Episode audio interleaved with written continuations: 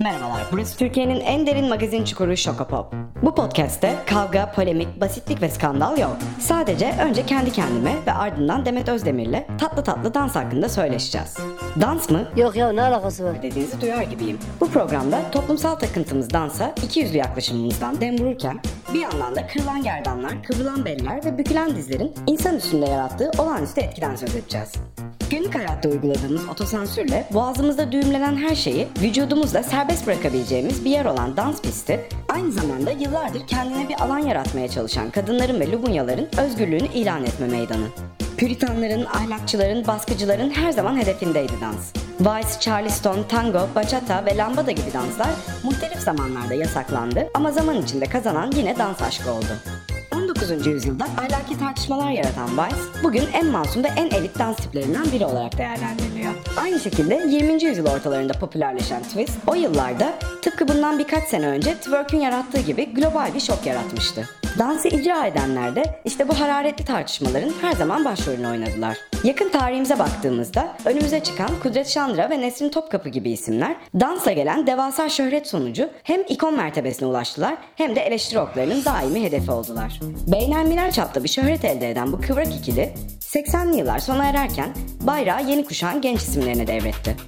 1970'lerde bütün dünyayı sarıp sarmalayan disco çılgınlığı Türkiye'yi de etkisi altına alınca Dünya Disco Yarışması için ülkemizi temsil edecek genç bir dansçı bulmak şart olmuştu. Günaydın gazetesi uluslararası arenada bizi temsil edecek bu kıvrak genci seçmek için bir dans yarışması açmış ve bu yarışmayı kazanan Ersan Efrant Londra'daki World Disco Championship'te Türkiye'yi temsil etmişti. Disco'nun tüm dünyada kraliçeliğini ilan ettiği bu yıllarda Türkiye'de dansın hayatlarına ne kadar dokunacağından henüz haberi olmayan iki genç sahnelerin tozunu attırıyordu. 1981 yılında Türkiye dans yarışmasını kazanan Hakan Peker, Seyyar Tener ve Deniz Erkanat'ın dansçılığını yaparak hayatını idame ettiriyordu. 70'ler sonunda Devlet Konservatuarı Yüksek Bale bölümünü bitiren Yoncimik ise Şan Tiyatrosu müzikallerinde dansçı olarak görev alıyordu. Dans ettikçe önü açılan ikili 90'lara geldiğimizde Türkiye'deki genç pop patlamasının önce isimleri haline geldiler. Uzun yıllar dans ettikten sonra Korelevler içinde dinleyicisinden ateş isteyen Peker ve tüm Türkiye'yi abonesi yapan Yoncimik dansı hiçbir zaman bırakmadılar. Üstüne üstlük müzik sektörünü danstan öğrendikleriyle zenginleştirdiler. Dans insan için her zaman çok doğal ve dürtüsel bir spordu. Dansın verdiği sağlık, mutluluk ve disiplinle insan yüzyıllardır hem kendini ifade etti, hem rehabilite oldu, hem de kanatlandı uçtu. Türkiye'de danstan aldıklarıyla kanatlanıp uçan isimlerin son senelerdeki en önemli örneği Demet Özdemir.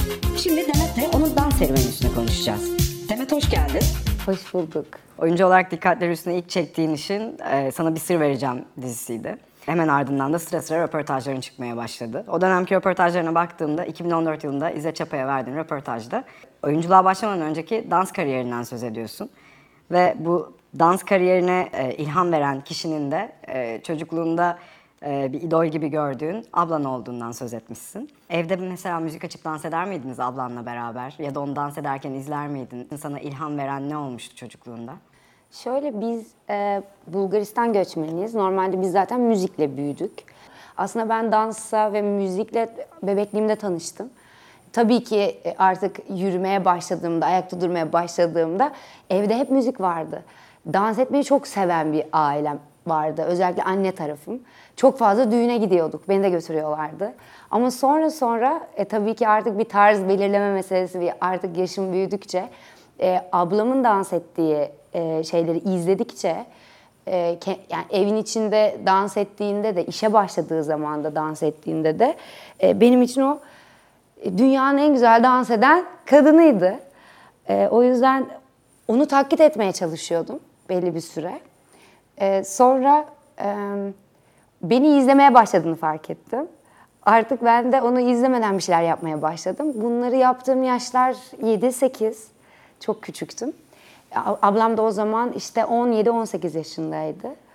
E, ama e, duygumuz hala baki. E, benim için hala o dünyanın en güzel dans eden kadını. Yine onu geçemedim. İdolüm ablamın olmasının sebebi de e, dansı, o da benim geçmişim gibi aslında.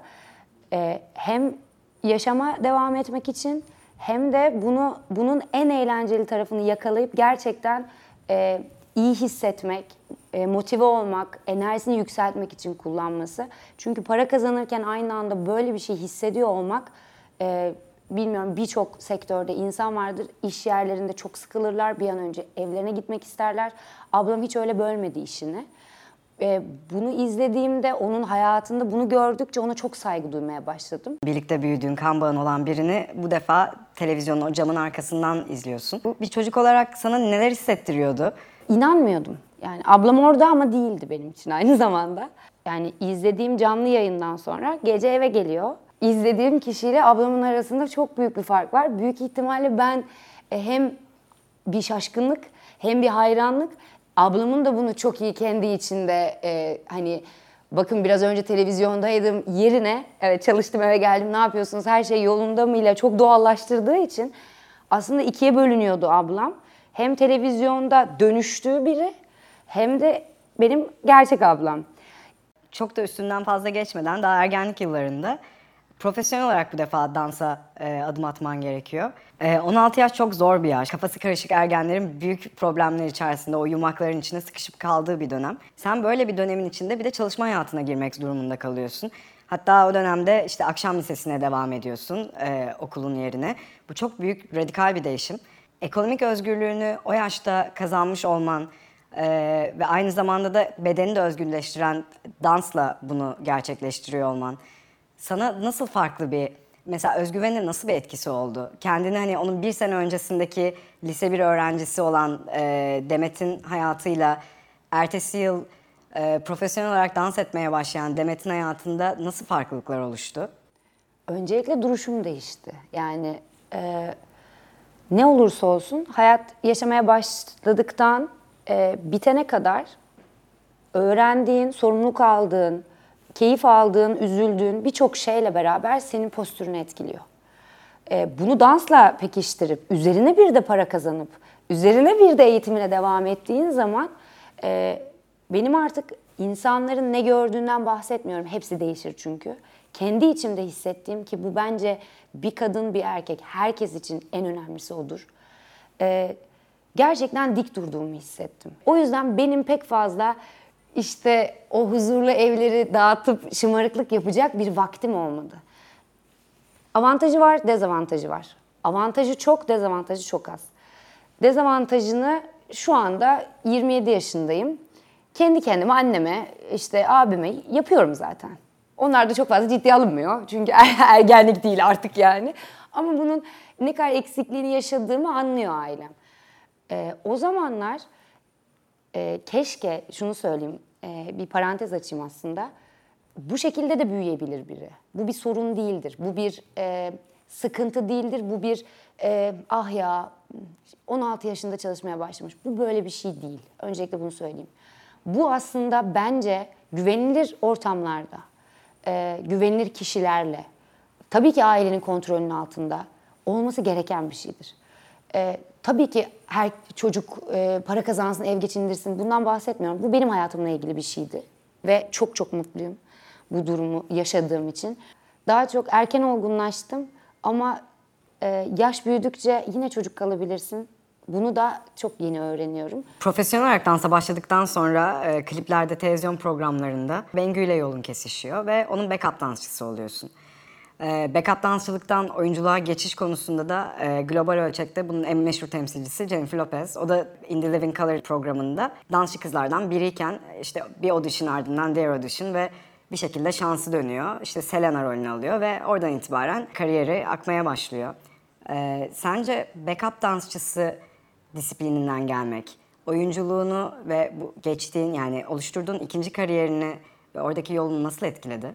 Bir sanatçı arkasına dans etmek, dans geçmişinin oluyor olması oyunculuk disiplinini sıfırdan öğrenen biri yerine bir disiplin bilincinin oluyor olması ve bunu 1-0 yine önde başlıyor olmak tabii ki geriye sadece yeteneğin eğer oyuncu oyunculuk yeteneğin varsa ve bu işi çok istiyorsan geriye sadece bunlar kalıyor.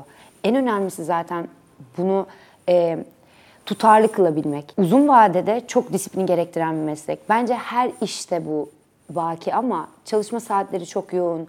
Ee, üzerimize düşen e, sorumluluk çok yoğun. Çalışıp gelmelisin. ezberin tabii ki olmalı. Bunların karşılığında para kazanıyorsun. Bunların karşılığında tanınırlığın artıyor. E şimdi ben bunları dans ederken öğrenmiştim. Benim en büyük avantajım hiçbir yere geç kalmam mesela. Çünkü bunu biliyorum. E, geç kalan oyuncu da olabilir. Bu asla olmamalı tabii demiyorum ama mümkün değil geç kalamam zaten. Bunu hiç yaşayamadım. E, o yüzden beni setteki kamera arkası sever mesela. Yani bu çok büyük bir zincir aslında. Çalışma zinciri. Kim sürekli geç kalan bir çalışan olsun ister ya da iş arkadaşı olsun ister ki? Bunu dansta öğreniyorsun.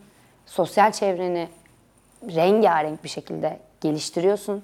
Herkese iletişim kurabilir halde oluyorsun ve sen aslında %50 hazır halde oyunculuğa başlıyorsun. Dediğim gibi cesursan yaparsın. Çalışıyorsan yaparsın. Başka bir meslek de yaparsın. İstediğin neyse ki Jennifer Lopez'e bayılırım. Çok güzel buluyorum ve zaten çok büyük bir ilham kaynağı. Jennifer Lopez keşfedilmiş. Demek ki herkesin buna ihtiyacı var. Demek ki ne yapmış? Dans etmiş, disiplinli olmuş, bir şey olmuş. Yani ödün vermiş hayatından ve bu kadar da zor değilmiş demek ki. Bengü'nün arkasında dans ettiğin dönemlerde bir şekilde sana bu oyuncu olma fikri çevren tarafından empoze edilmeye başlıyor anladığım kadarıyla. Dansçılıktan kazandığın parayla Şahika Tekant'tan oyunculuk dersleri almaya başlıyorsun. O kararı verme, o eşik noktası nasıl oldu? Açıkçası işler azalmaya başladı. Ee, ama bu yine idare edebilir bir durumdaydım. Fakat bir B planı her zaman herkes için olmalı. Benim için de artık devreye girmeliydi. Kadere inanmayan e, şans desin, kadere inanan da kaderiymiş desin. E, şu kesişmeden bahsediyorum. Arkadaşlarım hadi oyuncu ol dedi. Hiçbir zaman şeyi düşünmedim. İşte dansın bana kattığı şey buydu. Yani ben çok utanırım gibi bir cümle geçmedi. Ama oyunculukla ilgili hiçbir şey bilmiyordum. Deneyeyim dedim yani. E, sonra iki yıl sürdü Şahika Tekan. Çok güzel denk geldi dans ettiğim ve aynı zamanda gidebildiğim saatler. Haftada dört gün gidiyordum. Akşam yedi buçuk, gece on iki. Şahika'da çalışıyorduk. E, orada da asla yaşıtım yoktu. Öğrendiğim şey, disiplini gittiğim için gördüm ki orada 30 yaşında, 35 yaşında insanlara disiplini öğretiyorlardı. Fark ettim ki ben bunu önceden edinmişim. Bu da benim için çok büyük bir artı oldu. Şunu öğrendim hiçbir şey eğitilmeden olmuyor. Ama eğitim ikinci planda tabii ki. Öncelikle bir hedef belirlemek gerekiyor. Sonra bununla ilgili cesaretinin olması gerekiyor. Yoksa bu cesareti edineceksin. Başka çaren yok. Üçüncü, hadi bakalım defter, kitap, kalem. Oku, anladığını yaz. Çık bakalım sahneye, dene. Hata yap, dene, hata yap, dene. Sonrası zaten akıp gidiyor. Ama adım atmak aslında eğitim almaya başlamak değil.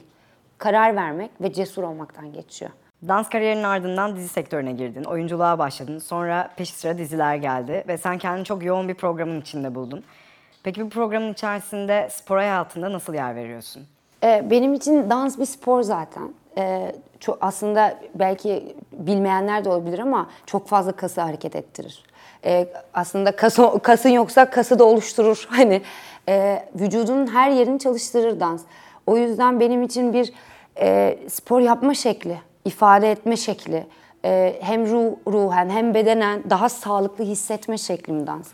İki saat dans ettiğinde kardiyoyla eşdeğer hissediyorsun zaten. Hem e, hem terliyorsun, hem kasların çalışıyor, hem e, postürün düzeliyor.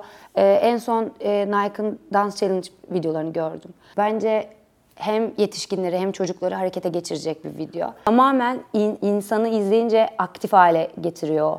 Yani hem basit aslında çok zor hem e, dans etmeye teşvik eden hem çok gaza getiren hem de neden yapamayayım ki e, cesaretini aslında bulduran kendini içinde hem çok şık şeyler var hem de kendi yorumunla insanların bunu yapıyor olması bu çok güzel bir şey. Çünkü dans e, tek tip değildir ve yorumlanabilir bir şeydir. Kimi Latin, kimi daha çok R&B hip hop yapar, kimisi e, bachata yapmayı çok sever. Ama en büyük özgürlük zaten e, ben sana bu hareketleri verdim ama sen kendine göre uyarla. Bence hem cesaret gerektiriyor hem bundan çıkacak şey e, tamamen sen olacaksın ve seni taklit edebilen hiç kimse olmayacak. Bu güzel. Evet bahsettiğimiz gibi dansla vücudunuzu özgürleştirmek için yer ve zamana dair bahanelere ihtiyacınız yok. Evde ayna karşısında, banyoda, mutfakta, ofiste, sokakta, nerede isterseniz orada vücudunuzu serbest bırakın ve kendinizi keşfedin. Demet'e bu içten ve ilham verici sohbeti için teşekkür ediyorum. Umarım siz de onu dinlerken içinizde alev alev kıpırdanan dans ateşini hissetmişsinizdir. Hadi şimdi oynak bir şarkı açın da yavaş yavaş sallanmaya başlayalım ve neşemizi bulalım. Gelecek bölümlerde görüşürüz.